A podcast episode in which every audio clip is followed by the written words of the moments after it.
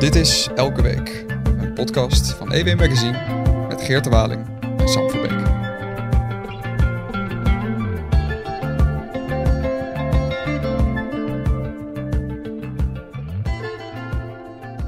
Goedemiddag, welkom bij podcast Elke Week met eh, Geert de Waling en Sam Verbeek.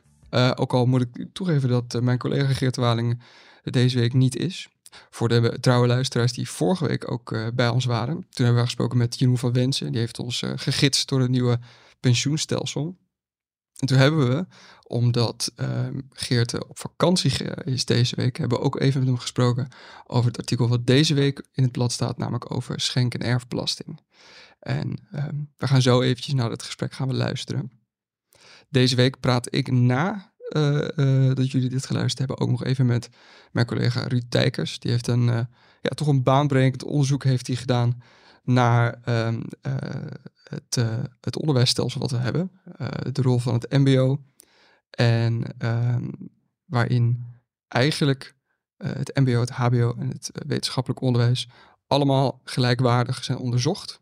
En dat is hiervoor uh, nog niet gedaan. Dus uh, na dit gesprek gaan we ook nog even over naar Ruud Dijkers. Voor nu eerst even naar de, schenk- en erfbelasting en wat uh, collega Jeroen daarvan vindt. Want je hebt ook een mooi artikel geschreven in het nummer van volgende week, deze week dus eigenlijk. Um, en dat gaat over de, scha de schaf de schenk- en erfbelasting af.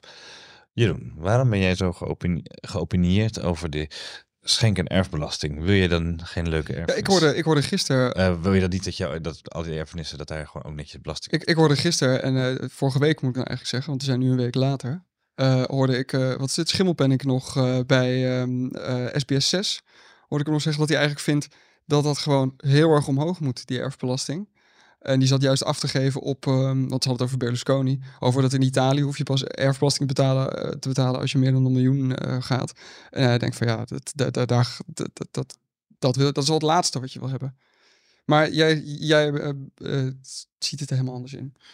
Nou, ik zie het eigenlijk ook wel een beetje hetzelfde in. Dat op zich zou ik zeggen van, als je de erf- en schenkbelasting zou kunnen verhogen, die levert nu jaarlijks 2,5 miljard euro op. Als je die substantieel zou kunnen verhogen, je zou daardoor bijvoorbeeld de belasting op inkomen kunnen, kunnen verlagen. Um, dat lijkt mij best wel een, een goede deal. Dat zou ik een mooie deal vinden. Alleen leven we niet in een uh, wereld waar de brandweer er alleen maar is om katten uit de boom te halen. Er vliegt ook af en toe echt een, een huis in de fik. En Um, als je dat doortrekt naar de schenk- en erfbelasting, dan hoef je niet in een zo ver verleden uh, te kijken om te zien dat op het moment dat je hoge tarieven hebt voor die schenk- en erfbelasting, dan gaan je vermogenden, die, die verlaten gewoon het land. En ja. dat kan je heel vervelend vinden, maar daar kan je helemaal niets aan doen. En dat blijkt ook uit studies van ambtelijke werkgroepen, die zeggen dat ook, ja, schenk- en erfbelasting is op zich een prima belasting. Er zijn heel veel mensen heel boos over, komen we zo nog even op. Maar het is op zich een prima belasting. Eén probleem, maak hem te hoog en mensen gaan weg. Dus jij zegt van, oké, die moet in ieder geval omlaag. Uh, of die moet zo laag mogelijk zijn. En je zegt wel ergens dat je dan pleit voor, in plaats daarvan, om de schatkist uh, toch te blijven vullen met belastinggeld, om dan de vermogensbelasting maar wat hoger te doen. Maar dan gaan ja. mensen toch ook het land uit? Of is dat... Nou, dat weet ik niet. Dat weet ik niet of dat zo is. Uh, dat uh, denk ik niet. Kijk, die schenk- en erfbelasting is 2,5 miljard euro. En totale belastingen jaarlijks is 326 uh, miljard euro. Zo. Als je nou kijkt, de schenk- en erfbelasting, daar is iedereen de hele dag mee bezig. Nou, niet de hele dag, maar dat is minder dan 1% van, van alle belastingen ja. die worden geïnd is ja. schenk- en erfbelasting. Ja, is precies. En die belasting die we hebben er notarissen voor nodig en estate planners en belastingadvieskantoren. En bij de Belastingdienst zelf uh, is, is, hè, zijn, er heel, zijn, er, zijn er veel mensen mee bezig. Kijk, je kunt ook zeggen, het is 2,5 miljard euro. Um, ik ga andere belastingen ga ik ietsjes omhoog gooien. Tarief, even een procentpuntje omhoog. Bijvoorbeeld in de VPB gooi ik de vennootschapsbelasting, winstbelasting voor bedrijven. Ja. Gooi ik, uh, gooi ik de andere even uitlegt. Ja. Procentpuntje omhoog. En dan haal ik ook alweer een paar honderd miljoen op. Ja. Um, en, dan heb, kunt... en, dan hoef je niet die hele industrie uh, in stand te houden van adviseurs, van mensen die slimme geitenpaadjes weten voor het ontduiken van die schenk- en erfbelasting. En van de Belastingdienst die vervolgens weer hele kuddes aan ambtenaren kwijt is om dat weer allemaal te reguleren. Exact. Je kunt, je kunt een heel lange discussie voeren. Is het nou een rechtvaardige belasting? Eh, is het nou de grote Nou, gelijkmaker van... Vind je het eh, van rechtvaardige belasting? ik vind het een eh, prima belasting. Dat, weet je, Want als je ik- overlijdt, dat een deel van wat je hebt dan naar de staat gaat. ja, maar dat, dat, ik zie daar, daar, daar zijn heel veel mensen vinden dat heel onrechtvaardig. Grafroof wordt natuurlijk... eh, Ja, weet je, ik heb zelfs zoiets. Kijk, je wordt in Nederland geboren. En dat is op zich is dat al een lot uit de loterij. Want eh, je krijgt al eh, gratis gezondheidszorg bijna. En eh, later krijg je AOW en opleidingen. Ja, god, als je dan doodgaat. Nou, dan moet je maar even een klein beetje van je vermogen afstaan. Weet je, daar kan je heel moeilijk over doen. Je kan ook denken, nou, bedankt allemaal. Fijn dat ik hier geboren ben. En ik ga dood en nu laat ik wat na. Nee. Hè, voor het algemeen belang. Vind ik dat je mag je echt wel aan mensen Dus, vragen. dus tegen het principe van de wet ben je niet. Maar Nee. alleen de uitvoering is zo duur, Ja. inefficiënt. Eh, en ook ontmoedigend voor mensen. Dus die we gaan, als ze echt rijk zijn, gaan ze naar het buitenland. Je schrijft ook, hè, want eigenlijk de, de, miljonair, de echte miljonairs, eh, eh, de allerrijksten, multimiljonairs schrijf je, sorry. Die, die, die weten het wel te omzeilen. Ja. Met slimme constructies. Ja, precies. Eventueel gaan ze man naar het buitenland, of ze parkeren het ergens anders, of ze, of, of ze hebben natuurlijk binnen de bedrijfsopvolging hebben ze ook allerlei voordeeltjes. Als Klopt. je een groot bedrijf nalaat aan je kinderen, dan zijn er ook allerlei voordeeltjes. Ja. Maar het is vooral de middenklasse, de gegoede middenklasse die eh, zeg maar een paar ton of een paar miljoen misschien eh, nalaat, die dan eigenlijk gepakt wordt. Ja, die draait, er, die draait voor het grootste gedeelte op. Dat klopt. Als je, als je flink vermogen bent, kun je of naar het, naar het buitenland, of je stopt het inderdaad in een bedrijf en onder de bedrijfsopvolgingsregeling Ja. vererft het, of kan ik het schenken naar eh, kinderen of naar werknemers of noem maar op. Dus vandaar dat je zegt, pak het dan eerder af van de algemene vermogensbelasting. En is het niet sowieso een go- goed idee om die flink omhoog te gooien? Het wordt wel gezegd hè, dat de belasting op arbeid bijvoorbeeld erg eh, schadelijk is voor, eh, voor de midden- en kleinbedrijf, voor überhaupt al, iedereen die met loon, in lo- loondienst werkt ehm, of daarmee te maken heeft. Dat dat behoorlijk, eh, arbeid is gewoon heel erg duur geworden. Of dat is ach, in Nederland erg duur. Zou het niet beter zijn om die, loon, om die vermogensbelasting gewoon met eh 10% omhoog te gooien? 10% omhoog lijkt me is wat te algemeen gesteld. Ik zeg 10% maar gewoon punten. een stuk hoger in ieder geval. Te, Ja, en, daar, en daar het grootste deel van die belasting uit te, te halen en minder uit Ja, maar dat gaat je, op dat, arbeid, dat gaat je. Kijk, weet je wat het probleem is? Eh, Nederland heeft het, het Nederlands vermogen zit in pensioenfondsen. Eh, vorige week, toen je nog in Nederland was, hadden we het daarover. Eh zitten pensioenfondsen, 1500 miljard. En dat zit in eh, eigen huizen ook, eh, zeg Ja. maar even, eh 1500 miljard. En daar gaat dan nog wat hypotheekschuld vanaf. Maar dat is het grote Nederlands vermogen. Ondernemingen, 400 miljard. Beetje spaargeld, 500 miljard in belegging of zo, 500 of 600 miljard. Ja. Maar het meeste zit in huizen en, en pensioenen. Dus als je in Nederland meer vermogensbelasting wil ophalen, zul je daarover de belasting moeten opschroeven. Ja, eh, ik weet niet of daar nou iedereen eh, gelukkig eh, van wordt. En uiteindelijk, wat je, hè, want dan zou je met, met pensioenen allerlei dingen moeten doen. Nou, dat zie ik 1, 2, 3 niet. Huizen kan je nog wel wat aan hypotheekrenteaftrek doen, maar je Ja. pakt dan altijd weer de middenklasse, snap je? En ehm, dus moet de vermogensbelasting in Nederland omhoog? Zou kunnen. Maar ook daarvoor geldt, als je dat echt fors gaat ophogen, als je echt zegt, nou, ik wil echt gewoon tientallen miljarden daarmee binnenhalen. Ja. Vermogensbelastingen leveren in Nederland ongeveer jaarlijks 25 miljard op. Dus kun je nagaan, als je dat 10% verhoogt, dan zit je op eh 2,5 miljard erbij. Nou, dan heb je een beetje schenk- en erfbelasting eh, te pakken. Daar goed gekozen. Ja, Ehm, Nou, dank.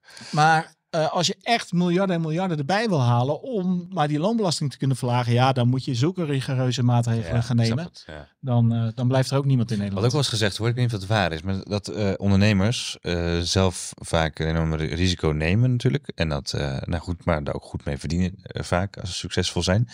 Maar dat ze bijvoorbeeld geen eigen pensioen opbouwen, maar dat ze wel een vermogen opbouwen waar ze later op gaan teren. Dat als alternatief pensioen. Als je dat heel erg zwaar gaat belasten, zo van we moeten de rijken aanpakken, dan zit je dus eigenlijk gewoon mensen hun zuurverdiende pensioengeld zit je eigenlijk op te eten.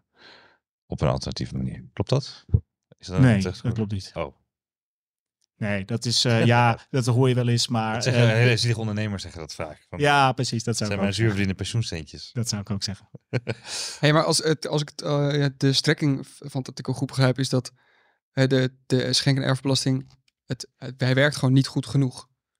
Nee, hij is, hij is, hij is veel te lastig uitvoerbaar. En kunnen wij, want eh, eh, de, je omschrijft in het stuk verschillende eh, routes en manieren waarop mensen uh, ontwijkingen doen of dingen in hun testament aanpassen of schulden bij de ene, zodat het daarbij makkelijker worden kan. Ja.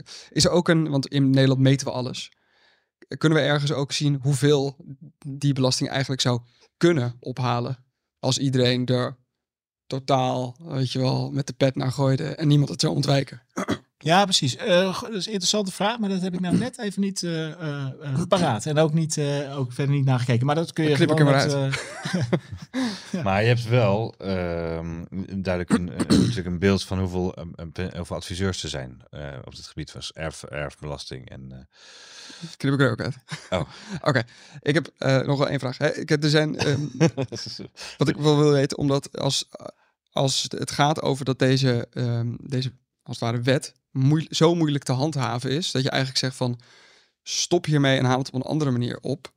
Um, strijkt dat ook niet in, in, uh, in van de principiële kwesties, in wat rechtvaardig is en hoe, hoe je het land wil inrichten. Want er zijn, dat zijn namelijk wat mensen zeggen die voorstander zijn van het verhogen van de erfbelasting, is namelijk dat ze zeggen van ja, je moet ook aan het einde van je leven moet je iets, iets terug doen.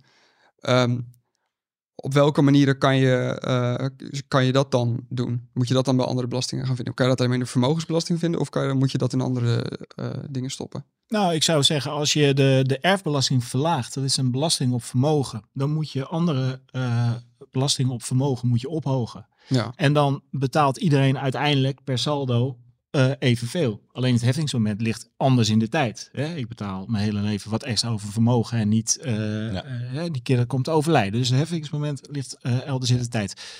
Ja, de hele discussie over rechtvaardigheid. Hè, we weten niet precies wanneer de eerste ehm, successierechten, zoals het vroeger nog zo mooi heette, werden ingevoerd. Maar de Romeinen zijn waarschijnlijk de eerste geweest. Ja. maar dat zullen de Grieken ook wel gedaan hebben. En, maar sindsdien wordt er al heftig over gedebatteerd of het nou wel of niet rechtvaardig is. Ik vind het echt zo'n discussie. Nou, in de redactievergadering hebben we het ook wel over gehad. Maar weet je, gooi maar in mijn pet wat rechtvaardig is en wat niet. Ik vind het valt voor alle twee wat te zeggen. Um, ik vind het ook verder niet zo relevant als je naar andere landen kijkt. Je hebt bijvoorbeeld Noorwegen, uh, Zweden, Canada. zijn landen waar geen erfbelasting bestaat. Nou, zijn ja. toch uh, best, wel, uh, best wel aardige landen voor de rest. Hè? Dus dat is allemaal niet zo gek. En je ook van, maar, er zijn steeds meer landen die hem ook afschaffen eigenlijk. Is dat een trend? Trend, trend wil ik het niet noemen. In Engeland in Engeland is nu een beetje discussie gestart, maar niet erg succesvol om hem af te schaffen. Okay. Uh, Noorwegen staat op een longlist om weer te, in, te, in te voeren, maar dat, dat, dat gaat de, de sociaal-democratische regering uh, niet doen uh, waarschijnlijk. Okay. Um, het is wel zo dat hij inderdaad is afgeschaft dus in de laatste 50 jaar. Of het nou echt een trend is, dat vind ik wat lastig te duiden. Maar wat ik, het punt wat ik nog even wil maken uh, over het afschaffen, waarom kom je daar nou bij? Kijk, het pleidooi om de schenk- en erfbelasting in Nederland af te schaffen is niet nieuw. Um, maar hij wordt wel steeds relevanter en urgenter. Kijk, begin dit jaar heeft de Sociaal-Economische Raad een schitterend uh, rapport uitgebracht. Uh, de waarde van uh, publieke dienstverlening of zo heet het. Mm -hmm. Ik ben de naam even kijken, maar zo moet je ja. ongeveer aan denken. Zo'n zo'n spetterende naam dat je denkt, nou, dat wil ik echt lezen. uh, Zoals vaak bij de SER-publicaties. Juist, maar het is werkelijk heel erg goed. En daarin zeggen ze gewoon van, jongens, de krapte op de arbeidsmarkt is gewoon echt nijpend. Ja. De publieke dienstverlening staat onder druk. Bel maar eens naar de Belastingdienst met de vraag over je aangifte. Ja, je komt gewoon niet, je krijgt gewoon niemand te spreken, want er is gewoon niemand. Dus die dienstverlening, publieke dienstverlening staat onder druk. Dus overheid, ga nou als je regels bedenkt, begin nou eens te denken vanuit van hoe kunnen we dit met zo min mogelijk mensen doen aan onze zijde. Minder ambtenaren. Ja. Precies, minder ambtenaren, want die zijn er gewoon niet meer. Ja. Uh, maar zorg ook dat je de burger en bedrijven niet opzadelt met ja, bijna de plicht om dure adviseurs in te schakelen. Bedoel, ga er maar aan staan, zo'n bedrijfsopvolgingsregeling uh, of zo bij een bedrijf. Of voor jezelf, weet je, als je het een beetje, als je niet het idee hebt van ik wil alles weggeven aan de fiscus, dan ben je al veel geld kwijt. En dan moet je ook maar iemand zien te vinden die het voor je wil, voor je wil doen. Ja. Dus dus Ser geeft dan zelf een heel een beetje voor de hand liggend voorbeeld van hoe als, als je een nieuwe woning laat bouwen, laat mensen dan vergunningvrij bouwen. Dat scheelt je een ambtenaar en hoeft die mensen niet zo ingewikkeld te doen. Nou, dat, uh, uh, uh, maar een beetje daarop voortbedurend kom je dus dan ook uit bij het belastingstelsel. Nou, in het artikel heb ik een heleboel rapporten op een rij gezet. Ook het Centraal Planbureau die veegt de vloer aan met allerlei ingewikkelde fiscale regelingen. Helaas niet met de schenkbelasting. Dat vind ik. Ja. En de erf- en schenkbelasting, dat zouden ze wel zich een keertje voor moeten uitspreken, vind ik. Maar Um, neem bijvoorbeeld even een klein hak op de takje, maar dan heb je die hele discussie over de BTW op groente en fruit, weet je Ja. wel, van 9 naar 0 procent. Het effect is gewoon verwaarloosbaar en er moeten weer allerlei mensen moeten worden En het lukt ingeschakeld. eigenlijk niet. En het is heel moeilijk en lastig dat je denkt, begin nou niet aan dat soort domme dingen. En kijk nou eens een keer naar al je regels. Wat voor effect hebben ze? Kan ik het ook eenvoudiger oplossen? Nou, dit is er eentje van. Ehm, dus zo doen. Maar dat, het, dit raakt natuurlijk ook wel aan eh, over, over dat rechtvaardige. Want eh, voor sommige mensen is iets achterlaten aan je kinderen, dat is eh, dat een soort zinsgeving geeft dat. En daardoor zijn, gaan ze natuurlijk allemaal adviseurs inschakelen en advocaten. En er verdwijnt er gewoon een gedeelte van die, van die, van die erfenis die verdwijnt in de zakken van, van dit soort adviseurs. En dan is- zijn er ook nog eens daardoor zijn er honderden mensen bij de Belastingdienst die zijn er voor aan het werk om Ja. te checken of dit allemaal wel klopt. Ja. En dan, wat haal je dan op? 2,5 miljard. Wat uiteindelijk niet veel is. Nee, het is een gigantisch bedrag. Maar toch is het op het geheel der dingen ehm, weer niet zoveel. Hè? Je kunt gewoon nogmaals een paar andere vermogensbelasting klein beetje verhogen. Daardoor zal geen bedrijf het land verlaten. En dan heb je gewoon hetzelfde effect. Ja. Hè, en het gaat mij helemaal verder niet om de vraag of het belasting op vermogen omhoog moet of dat soort zaken. Nee, ik snap het. Het gaat echt even om de uitvoerbaarheid. Dat is waar het om draait. Kijk, een overheid moet eh, aan het eind van de dag voldoende geld ophalen om de dingen van te betalen eh, die we vinden Ja. dat betaald moeten worden en gedaan moeten worden. Ja. Oké, prima. En dan moet je een beetje kijken, dus levert iets genoeg geld op? Is het rechtvaardig en is het uitvoerbaar? Nou, rechtvaardigheid valt te twisten. Het is, eh de schenk- en erfbelasting levert op zich wel veel op. Maar qua uitvoerbaarheid zijn er gewoon andere wegen te bewandelen. Nou, pak dan gewoon een eenvoudige route. Wat, wat, wat, wat ervoor te zeggen, want dat hebben wij in Nederland geloof ik niet. Hè? Ehm, als je een minimumbedrag hebt, eh, of een, een bepaalde grens waaronder geen schenk- of erfbelasting betaald hoeft te worden. Dus eh zeg een miljoen euro of zo. Dat je dus zeg maar wel een huis van je oude moedertje kunt erven waar je zelf ook in woont. Waar je dan niet helemaal stuk gaat om daar weer vervolgens, hè, dat je dat moet verkopen om de erfbelasting te kunnen betalen over het huis. Nee, dat valt dan onder die grens. En daarboven, als het kapitaal echt fors is, dan ga je die erf- en schenkbelasting betalen. Dat is ook iets wat in sommige landen bestaat. Ja, de Verenigde Staten heeft 11 miljoen eh, voor, voor naast. dollar, zeg hè? maar, Ja, 11 miljoen 10 dollar. miljoen ja. euro. Ja. Dat is een flinke, dat is een flink hoge grens. Die zou ook Ja. iets lager kunnen In leggen. België, België moet, eh, gaat iedereen eraan. Ja, Dat is wat, grens eh, bijna, bijna nul. wat, vind je, wat vind je van het idee? Omdat gewoon een, Ja, Een vind ik geen goed idee. Omdat je, eh, als je die middenklasse wil, wil beschermen, zou dat misschien een idee zijn. ja, maar dan, dan nog hou je gewoon uitvoeringsproblematiek. Ja. Ja. Hè, Dat nog, steeds hou je dan een heel apparaat in stand. En dan, dan wordt je opbrengst wordt alleen maar lager. Hè? Dus als je de grens op een miljoen legt, ja, krijg je alleen maar minder binnen. En iedereen die een beetje tegen de miljoen aan tikt, die is nog steeds... eh, Ben je volgens eh, alle bezig. inkomsten als overheid ben je weer kwijt aan, eh, Ja, precies. aan de Dus, belastingdienst. dus weet je, ja, of je doet het, of je Ja. doet het goed of je doet het niet. Oké, dat is een goed helder standpunt. Duidelijk. Sam. Ja, ik, ik vind het in principe vind ik het een logisch verhaal. Want ik denk van als je gewoon, als je gewoon iets minder verschillende afzonderlijke belastingen hebt. En gewoon eh, dat optelt en er gewoon eentje weghaalt. Dan wordt het minder complex. En er wordt nu elke dag steen en been geklaagd over dat de overheid ziek is. Eh, omdat het, omdat het of overcomplexiseerd hebben. En eh, dat jij Lubbers, deed Lubbers al, hè? Lubbers die maakt zich al grote zorgen over eh, Ja. overbelaste overheid. En, En we als je- zijn, we- dat precies, maar 40 jaar verder. We zijn eh, ja, en we zijn inmiddels Ja, eh, weet dat 200 miljard euro op de rijksuitgaven verder. Juist. Eh, naar vier, ongeveer bijna 400 miljard geloof ik. van, in de tijd van Lubbers nog geen 200 miljard. Ik denk minder zelfs, nog 150 miljard of zo. Maar dat, dat zijn de uitgaven. Dat is allemaal weer nog veel ingewikkelder. Maar de overheid is gegroeid en gegroeid. En laten we zeggen dat de tevredenheid over de overheid niet is gestegen de afgelopen jaren. Om het maar eventjes eufemistisch uit te drukken. Dus het, ik, ik, ik we- denk dat dit soort ideeën moet misschien een rubriek van maken. Versimpeling van, eh, van eh, allerlei regelingen. Onder andere belastingen. Ja, maar dit, dit, gaat- dit politiek gezien, om zoiets als dit te doen, de erfbelasting afschaffen, dat wordt natuurlijk, ja, dat, dat is, wordt niet te doen. Want ik bedoel, ik, ik, ik kan al vertellen hoe, hoe, hoe ik als politieke spindokter hier, hier tegen zou gaan ageren. Ja, ik, ik, ik, ik- ja, weet je, nogmaals, ik had het er net ook al even over die, die BTW op groente en fruit. Hè. Dan, Ja. dan, het is echt werkelijk waar. Vraag het elke econoom en iedereen met een klein beetje verstand van belasting zegt, doe dit nou niet. Het heeft geen enkele zin. Ja. En dat gedram van mensen, ja, maar ik... eh, Het eh, gevoel, het politieke gevoel dat ach, groente en fruit dat En dan- eh, niet dan- belast mag worden. Ja. Ik, zat, ik had een discussie bij Radio 1. Daar, daar werd ik ook een beetje uh, chagrijnig tijdens die uitzending. Dat moet je natuurlijk nooit doen. Maar er werd er bijvoorbeeld eh, er werd, gewezen op een rapport van een, een of andere, ook een of andere raad voor de, voor de nog iets, raad voor de gezondheid en nog wat. Ja, er werd gezegd, ja, nee, maar allerlei instanties vinden het belangrijk. Ook de raad voor die Mensen eten te weinig groente en fruit. ja, precies. En die Ja. raad heeft ook gezegd, schaf die BTW af. Is een hartstikke goed idee. Nou, toevallig heb ik ooit een keertje gevraagd aan die raad van waarom hebben jullie nou de Welke- BTW? Die hadden een schitterend rapport Welke geschreven. fiscalist heeft dat uitgezocht bij de raad? Ja, maar dat, die, die raad had een schitterend rapport geschreven over gezondheid in de wijk. Prachtig. En er stond opeens bij BTW naar, naar 0%. Dus ik had zoiets, hè, hoe weten zij? Dus ik had gevraagd, ik hoe komen jullie bij? Nou ja, we vonden dat wel een sympathieke maatregel. Ik zeg, maar hebben jullie, hebben jullie het onderzocht? Eh, nee, dat hebben we niet onderzocht. Ik zeg, maar waarom zet je dan in? Ja, we vonden het wel sympathiek. Maar zo'n rapport wordt, komt, komt continu terug. Gerecycled, ja. Echt gerecycled. Als en het dat is, politieke straatje past, en dat is precies Ja. een beeldvorming, dat geldt ook over de erf- en schenkbelasting. Er zullen te veel partijen, inderdaad, wat Sam zegt, zullen gewoon dwars blijven liggen. Omdat, eh, wat- die gaan zeggen van nee, je kan makkelijk de belasting omhoog, want bedrijven gaan toch niet weg. Ja. En eh, nou ja, weet ik veel, en die rijke allemaal stinkert. Nou, met Weilen, Wij- Weilen professor Venema, waar ik het even over had in de uitzending van vorige week. Ehm, eh, mijn goede vriend Meijnerd Venema had ik wel eens een discussie samen met zijn vrouw. Die waren eigenlijk voor 100% schenkbelasting. Of erfbelasting, sorry. Dus bij overlijden gewoon alles naar de staat en dan herverdelen. Ja. Zodat, niet, zodat niet alles bij de kinderen terecht zou komen, maar bij hun eigen kinderen. Maar bij eh, gewoon eerlijk waar het behoort. Een erg links en erg statelijke opvatting.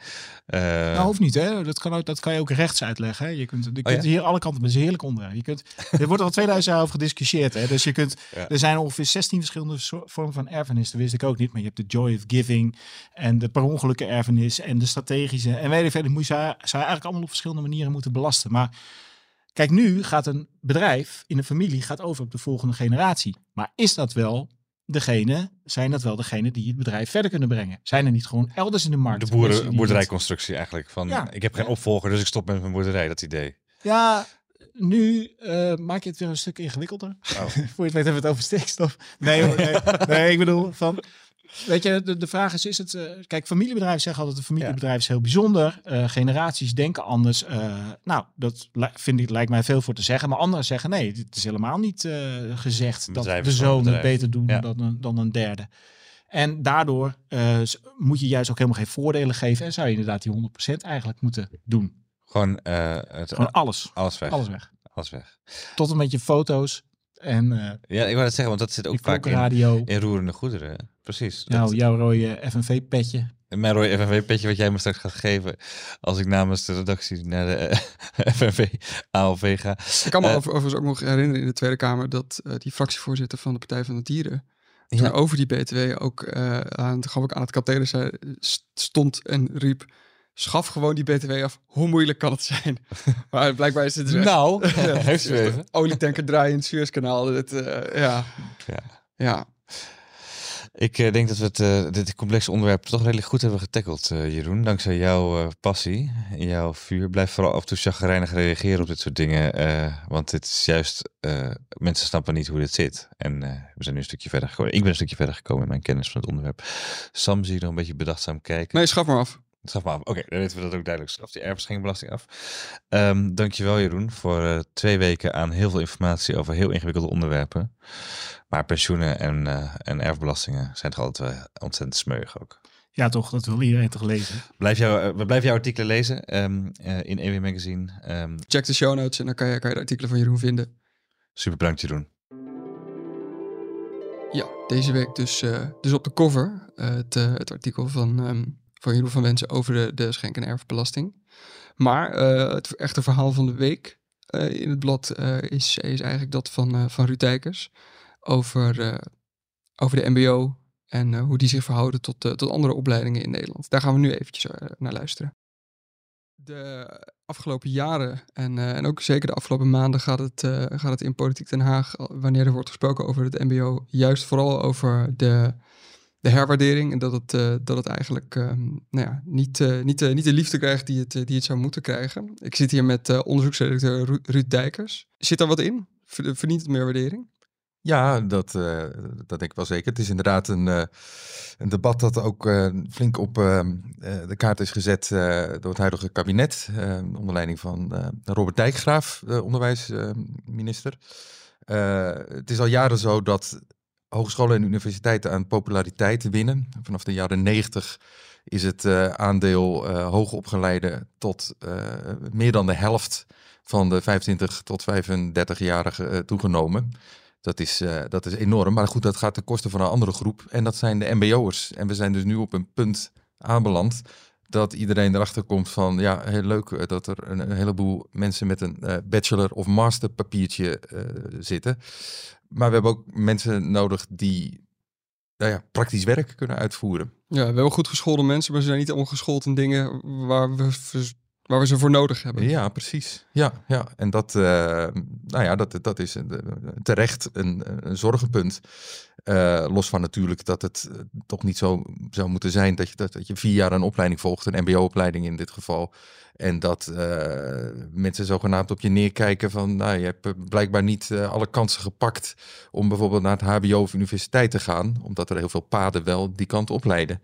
Dus, en dat slaat natuurlijk nergens op. Nou, dat is een van de drijfveren geweest achter ons jaarlijkse onderzoek, studie en werk, dat we samen met eh SEO-economisch onderzoek uitvoeren naar de arbeidsmarkt voor afgestudeerden, om daar ook dit jaar voor het eerst MBO aan toe te voegen. Ja, want de resultaten die zijn maandag gepresenteerd. Ja, dat klopt. Ehm, misschien kunnen we heel even kort vertellen, iets vertellen over de, ehm, de samenwerking tussen SEO onderzoek. Want eh, dat doet eh, EW al vanaf de jaren 90. Ja, dat klopt. Eh, ja, korte geschiedenis.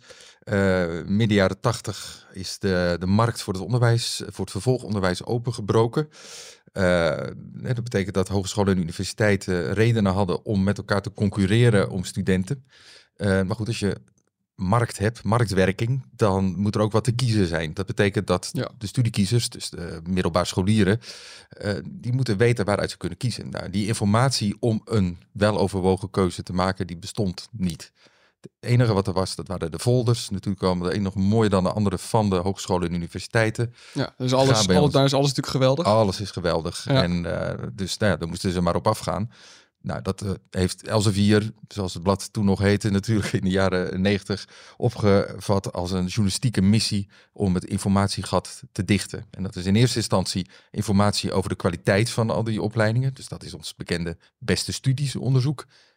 Maar een paar jaar later, en dan hebben we het over 1996, eh, is de redactie op het idee gekomen om, eh, om de arbeidsmarkt voor afgestudeerden in kaart te brengen. Dus in, in eerste plaats moet je altijd nagaan, nou, wat wil je Mhm. en wat kun je als studiekiezer?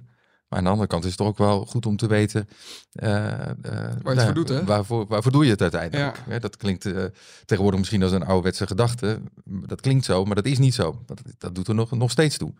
En nou goed, dat was dus reden voor de toenmalige redactie. Eh, de naam even goed noemen, want die, eh, dat zijn de, eerste datajournalisten van Nederland, zo kun je ze wel noemen.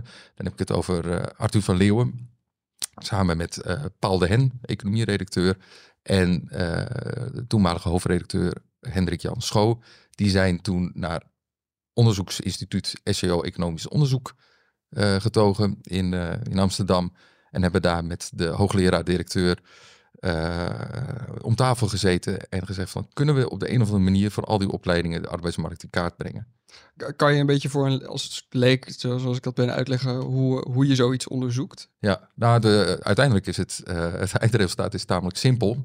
Maar om dat te bedenken, daar komt wel wat bij kijken. Ja. En nou, dan moet ik de naam eh, Dinan Webbing zeker noemen. Ik moet ook de namen van eh, economen als eh, eh, Ernst Berghout en Peter Berghout noemen. Dat zijn oud SEO, economisch onderzoek, wetenschappers. Dit zijn de aartsvaders. Dat dit, zijn de aartsvaders van het idee. En hoe simpel het ook klinkt, in zijn eenvoud. Zij hebben bedacht, kijk naar drie pijlers. Dat is de tijd tussen het behalen van een diploma en de eerste baan. Serieuze baan, dus een baan waar je eh, meer dan een minimumloon verdient. En ook eh, een aantal dagen per week. eh, Een grote mensenbaan. Een grote mensenbaan, echte baan, geen bijbaantje. Het salaris dat je verdient Mhm. ten opzichte van afgestudeerden van andere opleidingen. en de kans op een vaste aanstelling. Nou, dat zijn de drie pijlers en dat is nog steeds de basis onder studiewerk. En ik zelf, als ik, eh, voordat ik me bezig hield met arbeidseconomisch eh, onderzoek, dan zou ik gedacht hebben eh, van ja, kijk naar werkloosheid. Wat zijn werkloosheidspercentages? Maar dat zijn cijfers die, ja, die, die verschillen te weinig tussen opleidingen. En uiteindelijk komt iedereen wel aan de bak. En daar gaat het ook niet om. Het gaat om die waarde zo nauwkeurig mogelijk in kaart te brengen van al die opleidingen. En ehm, in dat onderzoek zaten er altijd al ehm, eh, het wetenschappelijk onderwijs, HBO en MBO. Zaten die altijd, zijn die altijd al allemaal onderzocht? Nee, het begon met de universiteiten, dus de universitaire opleidingen. Dus later HBO aan toegevoegd. Nou, dat zijn enorme exercities. Uh, Mhm. van, want ten eerste, hoe breng je dat in kaart? Hè? Ja. En dat is jarenlang gebeurd eh, aan de hand van een eh, vragenlijst die werd uitgezet. Dus afgestudeerden die kregen een, een brief thuis. Dat, dat ging allemaal via de toenmalige IB-groep, eh, de, de, voor- duo tegenwoordig. Ja, dat is nu duo. ja, ja. Precies. En eh, goed, ook toen al onder strikte privacyvoorwaarden natuurlijk. Maar die kregen een, een brief thuis gestuurd. En dan werden de vragen gesteld van, nou, wat verdien je? Hoe lang duurde het voordat je een eerste baan had, et cetera? Nou goed, in de laatste jaren merkten de onderzoekers en merkten wij ook van eh, de, bereidwilligheid om mee te nemen eh, me- of deel te nemen aan dat soort enquêtes, dat nam eh, enorm af. Eh, maar goed, om antwoord te geven op je vraag, eh, waren het altijd HBO en universiteit? Nou ja, nee dus. Maar MBO al helemaal niet. Dat is er dus dit jaar voor het eerst aan toegevoegd. Ja, en dat heeft meteen wel, eh, we hadden het aan het begin van het gesprek al over, dat heeft toch wat, wat interessante inzichten geboden. Ja, en het doet. Ik bedoel, het is nu een, net gepresenteerd, maar het doet al zoveel stof opwaaien. Het is, je merkt dat het in het veld de boel flink op zijn kop zet. Eh, want Denk je overigens, voor het sorry ik onderbreek hoor, maar denk je, we hadden het net over die, die, die onderwaardering. Ja. Eh, Kijk, dit is natuurlijk een, een, een, een hele letterlijke waardering. Je kan je, kan je bijna gewoon meten wat het waard is. Is misschien ook die, de, een van de factoren van die onderwaardering is dat er gewoon dat er geen openbare metingen waren. Nou, de spijker op zijn kop. Dat, ja. dat is het. Dat is het. Dat is eigenlijk een, een van de belangrijkste eh, nou ja, winsten eigenlijk ook die we willen behalen met dit onderzoek. Toen, Ja. maar ook nu. eh, als je opleidingen gelijkwaardig wil behandelen, dus het mbo gelijkwaardig wil stellen naast eh, hbo en, eh, en universiteit. En eh Rob Dijkgraaf heeft dat de waaier aan praktische en theoretische opleidingen genoemd. Dus gelijkwaardig naast elkaar. Ja, Maar als je dat gelijkwaardig wil stellen, echt, dan moet je ze dus ook gelijkwaardig vergelijken. ja. En dat hebben we gedaan, samen Ja. met SEO. Er zijn langs die, die meetlatten van eh, arbeidsmarkt, eh, banenkansen, salaris, vast contract. Precies, die drie pijlers. En nou goed, zo simpel als het klinkt, eh, dat is het eindresultaat. Maar daar is heel wat aan vooraf gegaan. Maar op basis van die drie pijlers hebben we alles op één hoop gegooid. Ja. En dat gebeurt nu niet meer op basis van een enquête. Het is gelukt sinds 2017 om op basis van registergegevens, zoals dat heet, of microdata, gegevens over alle afgestudeerden over een bepaalde periode. En dat zijn er in totaal 3,8 miljoen om gegevens daarvan eh, te analyseren. Dus dat betekent, je hebt bijvoorbeeld gegevens van eh, Duo. Die kun je op basis van het burgerservice nummer koppelen aan gegevens van de Belastingdienst. En zo heb je inzicht in wat iemand studeerde. En wat iemand eh, voor een aanstelling heeft en wat hij ermee verdient. En wat de tijd was tussen, die, eh, tussen het afstuderen en het behalen van diploma. Dus hele feitelijke gegevens over de volledige populatie. Moet ik bijzeggen, natuurlijk onder strikte privacyvoorwaarden. Ik zie die gegevens niet. Ik krijg alleen maar de, de resultaten onder ogen. En die, worden, die vertalen wij natuurlijk weer naar de, de lezers. Ja. Eh, maar goed, daar komen we dus. eh, ik bedoel, probeer de spanning op te bouwen, Ja, maar misschien- dan komt het uit natuurlijk. Misschien kunnen we even kijken naar, naar een aantal. Want eh, wat, wat is jou als het eerst. Wat, kijk, jij zit hier natuurlijk diep in. En sommige Ja. dingen zullen, zullen voor jou ehm, eh, iets meer vanzelfsprekend zijn dan voor mij. Maar wat is, wat is jou als eerst opgevallen aan de resultaten die je kreeg? MBO hadden we natuurlijk niet. Nou, precies zoals je het zegt. Ik, inmiddels zit ik er natuurlijk nu ook al eh, flink in. Maar als ik dan terugga naar het eerste moment dat ik voor het eerst de resultaten dit jaar onder ogen kreeg, dat echt binnen knalde, dat ik zag op het scherm, toen we met de onderzoekers om tafel zaten, dat was dat als je kijkt naar eh, bepaalde MBO-opleidingen, en dan heb ik het specifiek over de beroepsbegeleidende leerweg. Dus dat zijn de studenten die al grotendeels aan het werk zijn en nog wel één dag per week naar school gaan. Mhm. eh, in de technieksector. En dan op MBO 4 niveau. Ja. Wat zo, hè, zo is het MBO ingedeeld. Het is net even wat anders dan het bachelor-master systeem. Als je daarnaar kijkt, nou, dan hebben die veel betere baankansen. Hè, dus uitgedrukt in die tijd tussen afstuderen en de eerste baan. En eh, de kans op een vast contract dan HBO'ers en academici. Ja. Ongeacht welke opleiding. Ja, ik zat ook naar de, eh, de, de diagrammen zat ik te kijken. En eh, ja, het, het, ligt, het ligt ontzettend nauw. En als je dan te denken dat dit ook nog gemiddelden zijn. Er zijn natuurlijk Ja, mensen die er gewoon ontzettend uitschieten. Ja, en met, met nog een interessanter is, want we hebben het in, in een kwadrant afgezet. Dus je hebt eh, Ja. aan de ene kant, op de ene as heb je die baanzekerheid. En op de verticale as heb je salaris. Ja. En dat is natuurlijk ook leuk om naar te kijken. en wat zie je dan? Ja, Hartstikke bovengemiddeld. ja en heel erg bovengemiddeld. Zeker nog, eh, dat, dat, eh, als jij een, je academische opleiding van, op van een alfa-studie hebt gedaan, dan, eh, dan word, je, word je links en re- rechts word je voorbijgerend door, door de mbo'ers. Precies. En dit geldt dus ook voor eh, de, de niveau 3 eh, techniek, om maar wat te noemen. Het geldt ook voor die BBL, eh, de, de zorghoek.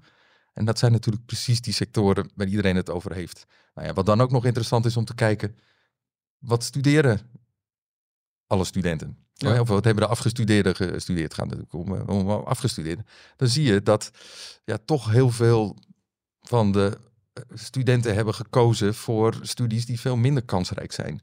Ja. Dus, eh, dat, Dit heeft te maken met die marktwerking waar we het eerder over hadden misschien. ja, nou ja, het, het, heeft, het, dit, dit heeft ook vooral mee te maken van, eh, dit moet alarmbellen nog extra doen rinkelen. Ja. Van, je, je ziet gewoon dat de kans op de arbeidsmarkt op dit moment, of het over, over 20 jaar is, dat, dat is een ander verhaal, maar ook weer niet helemaal, want de techniek is al, nou ja, sinds mensenheugen is, is dat een eh, booming sector. En Ja. eh, dat gaat ook voor de Ja. zorg. Hè. De, de termen als varkenscycli eh, zijn hier, nou dat blijkt in ieder geval niet uit de historische data, uit ons onderzoek, zijn hier niet op van toepassing. Maar, In het onderwijs kun je dat af en toe nog wel eens gedacht hebben van als iedereen op een gegeven moment eh, de PABO gaat volgen, dan heb je over eh, vier jaar als iedereen klaar is een overschot. En Ja. dan, dan, dan zijn die le- leraren niet meer aan de bak te krijgen. Maar dat geldt in de techniek en zo en alles. eh, Er zijn helemaal geen tekenen voor. Maar de dat is- sector die altijd maar blijft uitdaaien, natuurlijk. Hè? Die, Precies, precies. En ja, dat, dat, dat is dus een. Het maakt in één figuur inzichtelijk waar de, de, de zorgpunten zitten. Van, je ziet gewoon sectoren die het heel goed doen.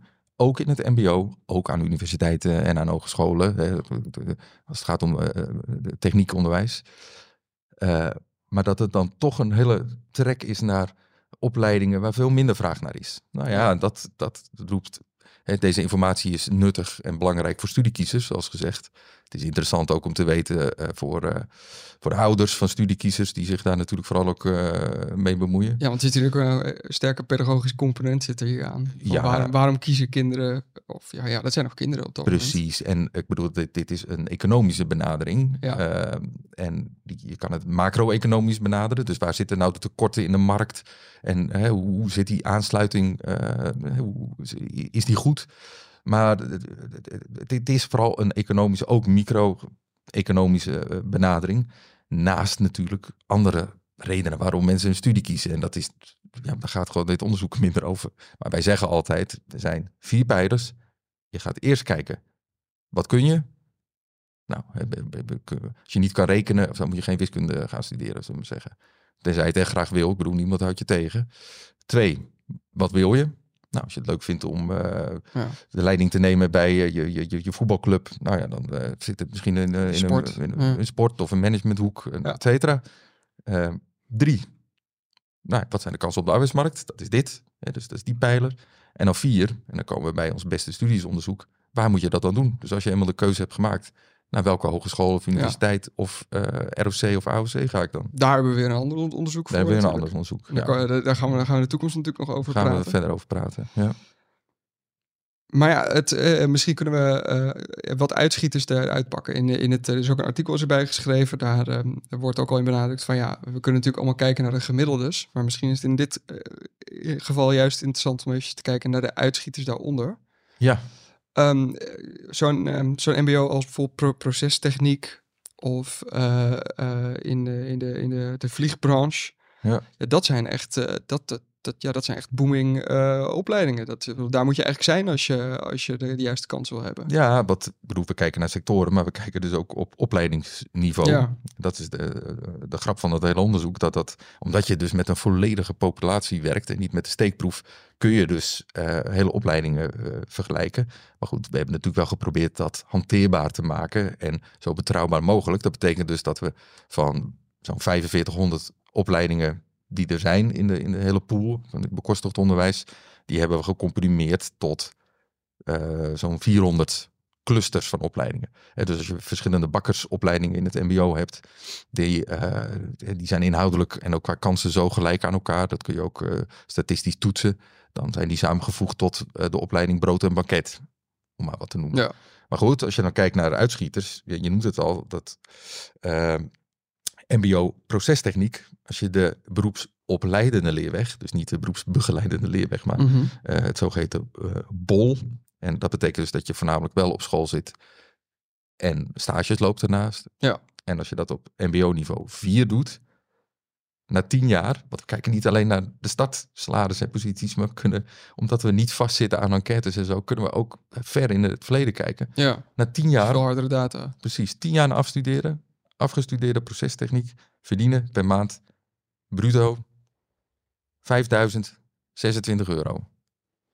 Dat, is, dat, is, eh, dat is een keurig salaris. Dat is toch prima salaris? Heel- dat is echt meer dan keurig. Ja, Ja, ik bedoel, eh, ter vergelijking, eh, de hoogste, hè, de grootverdieners, de- we hebben het over een mediaan, dus de, de middelste van alle waren. Bij de academici is het finance. Nou, die verdienen 6450 euro. Dat is flink meer. Maar goed, we- we- een, academische opleiding vraagt natuurlijk ook een flinke investering in zijn, ook, tijd. zijn ook wat langer bezig. Precies, hè, die, die, die gaan later de arbeidsmarkt op. En eh waar een MBO'er al, al drie jaar lang eh, eh, een hypotheek aan het afbetalen is, eh Ja. parkeert zo finance eh, afgestudeerde nog eh, zijn stationsfietsje tegen een boom voor zijn studentenhuis. ja.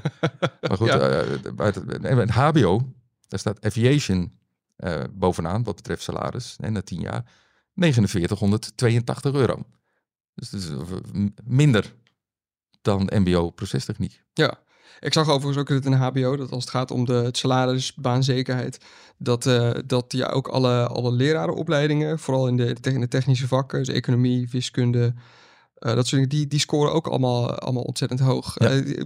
Je, misschien is het een, een beetje een, een beetje een domme vraag, maar wordt, ehm, wordt, eh, wordt, worden de technische vakken in Nederland wel goed genoeg benaderd eh, in het onderwijs?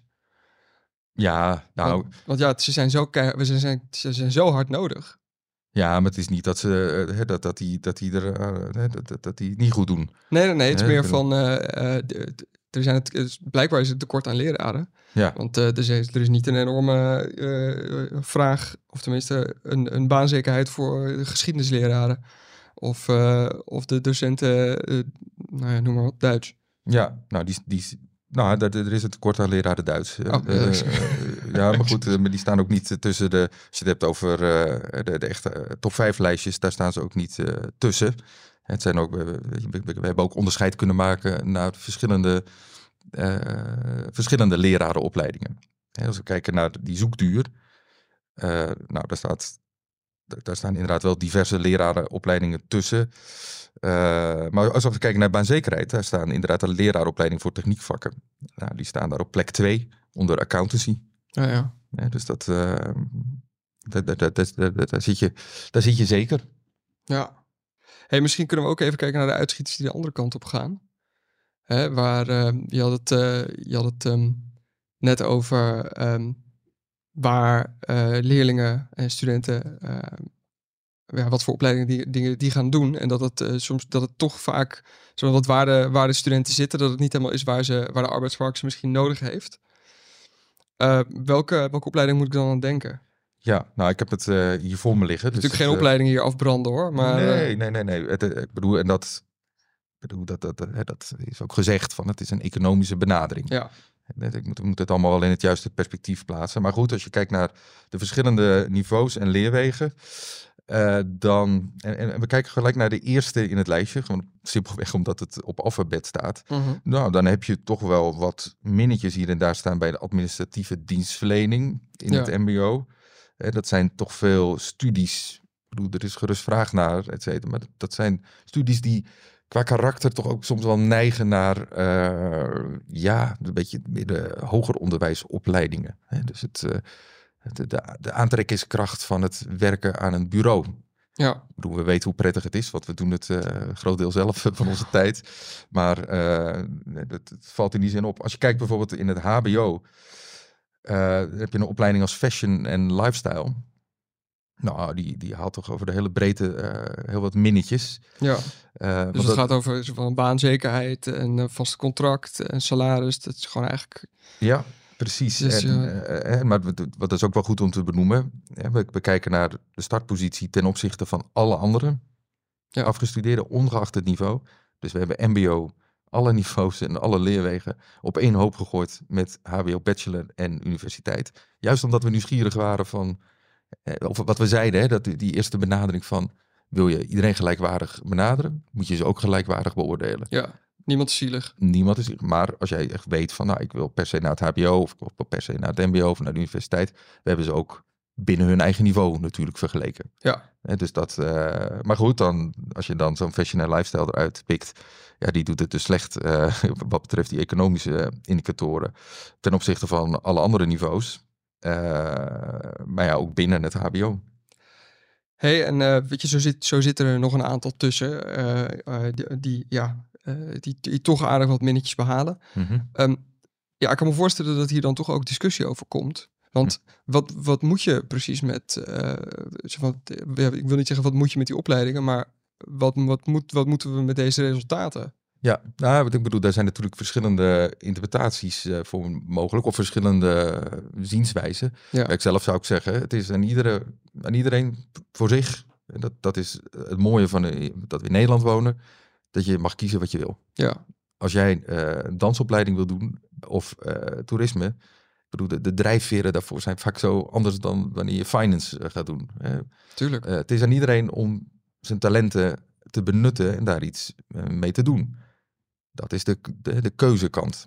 Ja. Eh, ik zou wel zeggen van, als je twijfelt tussen twee opleidingen en het is je echt om het even, nou ja, met deze informatie kun je dan wel denken van, nou ja, laat ik dan toch maar voor datgene kiezen eh, waar de samenleving of de arbeidsmarkt eh, waarschijnlijk behoefte aan heeft. Ja, en laten we eerlijk zijn, een eh, opleiding doe je niet om een opleiding te doen. Op een gegeven moment is de opleiding klaar. Op een gegeven moment, kijk, het heeft ook een vormende, hè, maar dan gaan we misschien iets de psychologische en onderwijskundige diepte in. De- de- de- het onderwijs heeft meerdere taken en dat geldt misschien in het bijzonder ook voor het mbo. En die zijn, eh, mbo's zijn gemiddeld toch ook wel wat jonger dan de hbo's en de academici. Dus die zitten in een levensfase dat, eh, dat ze aan het ontwikkelen zijn. Ehm, maar je kan inderdaad wel denken ook, dat, dat is eh, misschien, misschien ja, een beetje stevige stelling wel. Je hebt ook een soort verantwoordelijkheid Ja, om bij je keuze misschien rekening te houden van waar heeft de samenleving behoefte aan. Ik bedoel, waarom niet? Waarom zou je inderdaad alleen aan jezelf denken? en aan heeft, wat je, eh, heeft een onderwijsinstelling daar ook een verantwoordelijkheid naar? nou ja, kijk, wat dit is dus de keuzekant. eh, en, en nu de vraag van de maatschappij. Ja. Als we daarnaar kijken, kijk, dan, is het, dan komen we ook op, eh, op het punt van beleidsmakers en onderwijsinstellingen. Ja, want maandag is, is, zijn de resultaten hiervan gepresenteerd. Eh, bij de presentatie waren redelijk wat, wa- jij en ik waren er, maar er waren ook redelijk wat beleidsmakers aanwezig. Ja, ja. Eh, ja, wa- wat zijn de signalen die je daarvan hoort? Ja, nou, je merkte natuurlijk sowieso dat de cijfers er wel eh, eh, bij sommigen inhakten. Ja. Eh, heel veel zijn ook positief verrast om natuurlijk te zien dat je inderdaad het MBO gelijkwaardig kunt zien aan HBO en universiteit. Maar dat ging bijvoorbeeld over de zogenoemde macro-doelmatigheid. Dat is ja, het Ja. een beleidsterm, maar wel eentje die ertoe doet. Wat, wat, wat betekent dat precies? Ja, nou, zoals het nu is, is dat bij elke nieuwe opleiding die een eh, hogeschool of universiteit of een eh, MBO-instelling eh, bedenkt, dat eh, en je wil daar geld voor krijgen van de overheid, hè, belastinggeld, Dan moet die macro doelmatig dan zijn. moet die macro doen. Dus dan moet er dus daadwerkelijk behoefte zijn, maatschappelijk, Ja. wetenschappelijk of economisch, aan afgestudeerden van die opleiding. Breed maatschappelijk doel eh, moet het dienen. Precies. En Ja. kijk, dat is ook iets waar deze gegevens zeer goed bruikbaar voor zijn. Die bieden, het is niet alleen leuk dus voor en nuttig voor studiekiezers en hun ouders en grootouders en andere geïnteresseerden, maar vooral ook dus voor dat soort eh, beleidsmakers en instellingen die dus kijken van, nou ja, voordat ik eh opleiding zo bedenk, is daar eigenlijk wel vraag naar. Zo nee, dan zijn er, er is een instelling, een commissie die dat allemaal toetst. Eh, Dus die krijgt al die rapportjes onder ogen van eh, hogescholen en universiteiten waarin ze hun eigen nieuwe opleiding aanprijzen. En dan zeggen ze tegen die minister van, nou, deze opleiding, prima, laat dat toe. Zorg ervoor dat er geld voor komt, want we hebben echt behoefte aan, ik, ik noem iets, eh, werktuigbouwkunde. Elektro eh, elektrotechnici, zoiets. Precies. Ja. En uh, of het tegen, of tegengestelde kan waren. Hè. Er worden dus ook uh, veel van de aanvragen worden afgekeurd om dit soort redenen. Ja. En dat, dan gaat het dus om nieuwe opleidingen. Kijk, het debat, en waar het ook afgelopen uh, weken ook wel over ging bij de presentatie van deze resultaten, is en wat te doen met opleidingen die al bestaan. Ja. Ja, als ze eenmaal uh, die, toegelaten zijn, laat je ze dan tot een eeuwigheid bestaan en pomp je daar geld in. Ook als ze opleiden voor de werkloosheid, om het maar heel uh, nou, cru te zeggen. Nou ja, dat is een, wat betreft ook heel veel mensen in het veld nu een vraag die, waar serieus over gesproken moet worden. Moeten we ook met dit soort cijfers die wij dus nu gepresenteerd hebben, bestaande opleidingen eens niet tegen de lamp leggen en of tegen de lat, uh, langs de lat leggen. En ook de opleidingen, de, de, aanbieders van opleidingen, de hogescholen, universiteiten en uh, de mbo-instellingen, moeten jullie niet eens even kijken van of, er, uh, of al die opleidingen nog wel toe doen? Ja. Moet er misschien niet een keer uh, een reorganisatie plaatsvinden?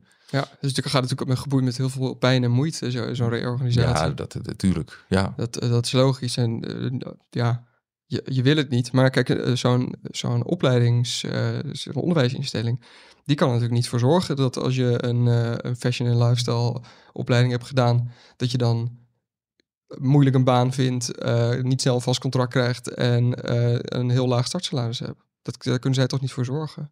Dat, dat, dat het beter wordt, bedoel Ja. Dat... Nou, kijk, ja, dat, dat is een vraag. Dat heeft natuurlijk te maken met hoe je de opleiding inricht. En uh, tegenwoordig is natuurlijk dat, dat een groot deel van die curricula, ook het mbo, dat er vakken in zitten om jezelf te verkopen. Of om uh, ja. Uh, we hebben een businessplan op te zetten en dat soort zaken.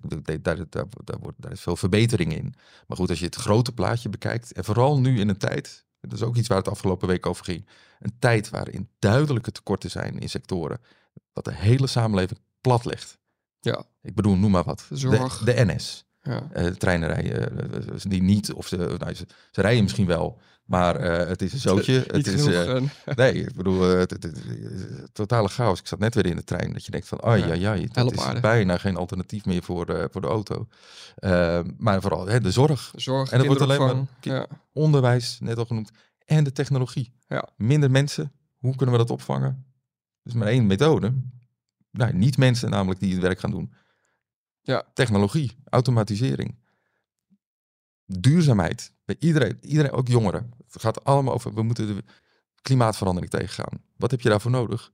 Slimme technologische oplossingen. Ja. Maar ook mensen die de zonnepanelen op het dak leggen, om, maar Zeker. het, uh, om het zo te zeggen. Ja, maar dan sterker nog, daar is nu ook het tekort aan. Hè? Daar is het tekort aan. Als jij, als jij paneeltjes op je dak wil, dan kom je op een lijst staan. Precies. Dus dat, je, je kan het eigenlijk niet meer veroorloven op dit moment om uh, ja, alles zomaar toe te laten. En uh, ja, ja, iedereen een kant op te sturen. Ja, de verkeerde kant misschien. Maar dat is. Ja, ja dat is natuurlijk die discussie inderdaad. Daar ging het, uh, ging het op de tijdens de presentatie ook over, over keuzevrijheid. Uh, en ja, economische noodzaak. Precies. Ja, en, en, maar ja, kijk, die, die discussie die kan nu pas echt goed op gang komen, omdat we, omdat we deze cijfers nu hebben. Precies. En misschien komen er juist wel hele andere interessante dingen. Er werden ook zulke interessante dingen genoemd tijdens de presentatie.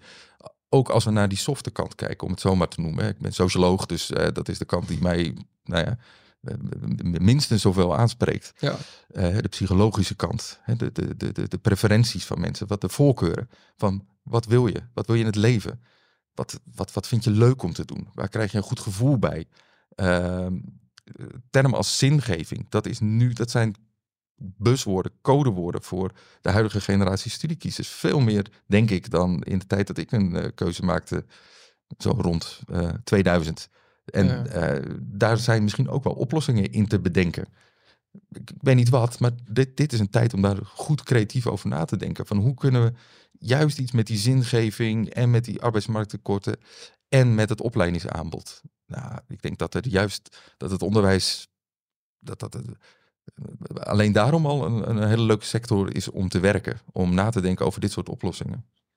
Nou ja, in ieder geval kan, kunnen, kan er nu op een serieuze manier kan er over nagedacht worden. Want de, dit soort gegevens zijn er nu. Volgend jaar hebben we natuurlijk eh, eh, een, een, weer zo'n onderzoek. Verwacht je dat, er- dat er dan allemaal nieuwe opleidingen tussen zitten? Of dat er allemaal andere zijn afgevallen?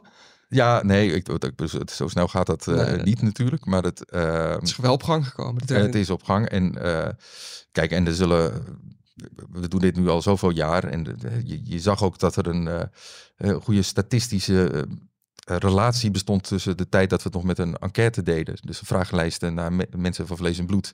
eh, te- en, en zeg maar die registerdata. Dus die, je kan ook daarin voelde je al en zag je al. Je, je ziet het dus in de historie van het blad dat er dus heel veel opleidingen zijn die stevast het goed doen. Ja, Hè, dus eh, de- het, het gaat misschien juist om die, die opleidingen die daartussen zitten. Wat gebeurt daar? Wat zijn de bewegingen op de markt? En dat is ook, denk ik, een meerwaarde van het onderzoek. Is dat we dus niet alleen een lijst maken met de vergelijking van al die opleidingen, maar ook eh, trends weergeven. Dus de lijnen, hè, die gaan terug tot 2007. Eh, daar, daarin zie je precies ook de, crisismomenten die we hadden, economische crisismomenten. Daar zie je pieken ontstaan in bepaalde sectoren, in bepaalde hoeken, in bepaalde, bepaalde opleidingsniveaus. Nou, daar kun je, ja, daar, kun je heel goed op voorspellen en rekening mee houden. Iedereen die denkt dat je niet kan voorspellen, eh, ja, nee. Zo, ik bedoel, Sommige dingen eh, kan je wel voorspellen. Sommige dingen kan je gewoon Ja. met, met grote zekerheid kun je daar dingen over zeggen. Zo, eh, nou, dan, we, we- dan zien we de toekomst verwachtingsvol toe. Eh Ruud, ik wil je ontzettend bedanken. Eh, voor de luisteraars wil ik eh, vooral adviseren om in het blad van, eh, van deze week eh, het eh, onderzoek erbij te pakken. Want je zal versteld staan eh, hoe, hoe nauw het allemaal ligt. Eh, uiteraard eh, komt, eh, komt jouw artikel en, en de resultaten komen ook in de, in de show notes te staan. Ja, en dat is misschien wel goed te weten, ewmagazine.nl slash studiewerk. Dus ewmagazine.nl slash studiewerk. Daarin zijn voor 1872 opleidingen, mbo, hbo en universiteit, rapportjes te vinden met gegevens. Zoek je een opleiding? Check het even. Ruud, heel erg bedankt. Jij bedankt.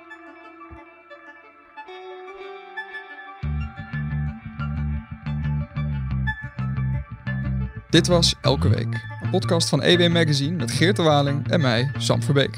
Zoals elke week kan je de besproken artikelen ook vinden in onze show notes. Voor dit een leuke podcast, abonneer je dan en laat een leuke review achter. Heb je vragen of opmerkingen? Geert kan je op Twitter vinden onder Geert. Ik ben op Twitter te vinden onder SamWV. Je mag me natuurlijk ook mailen naar sam.verbeek.ewmagazine.nl Dank voor het luisteren naar Elke Week. Tot volgende.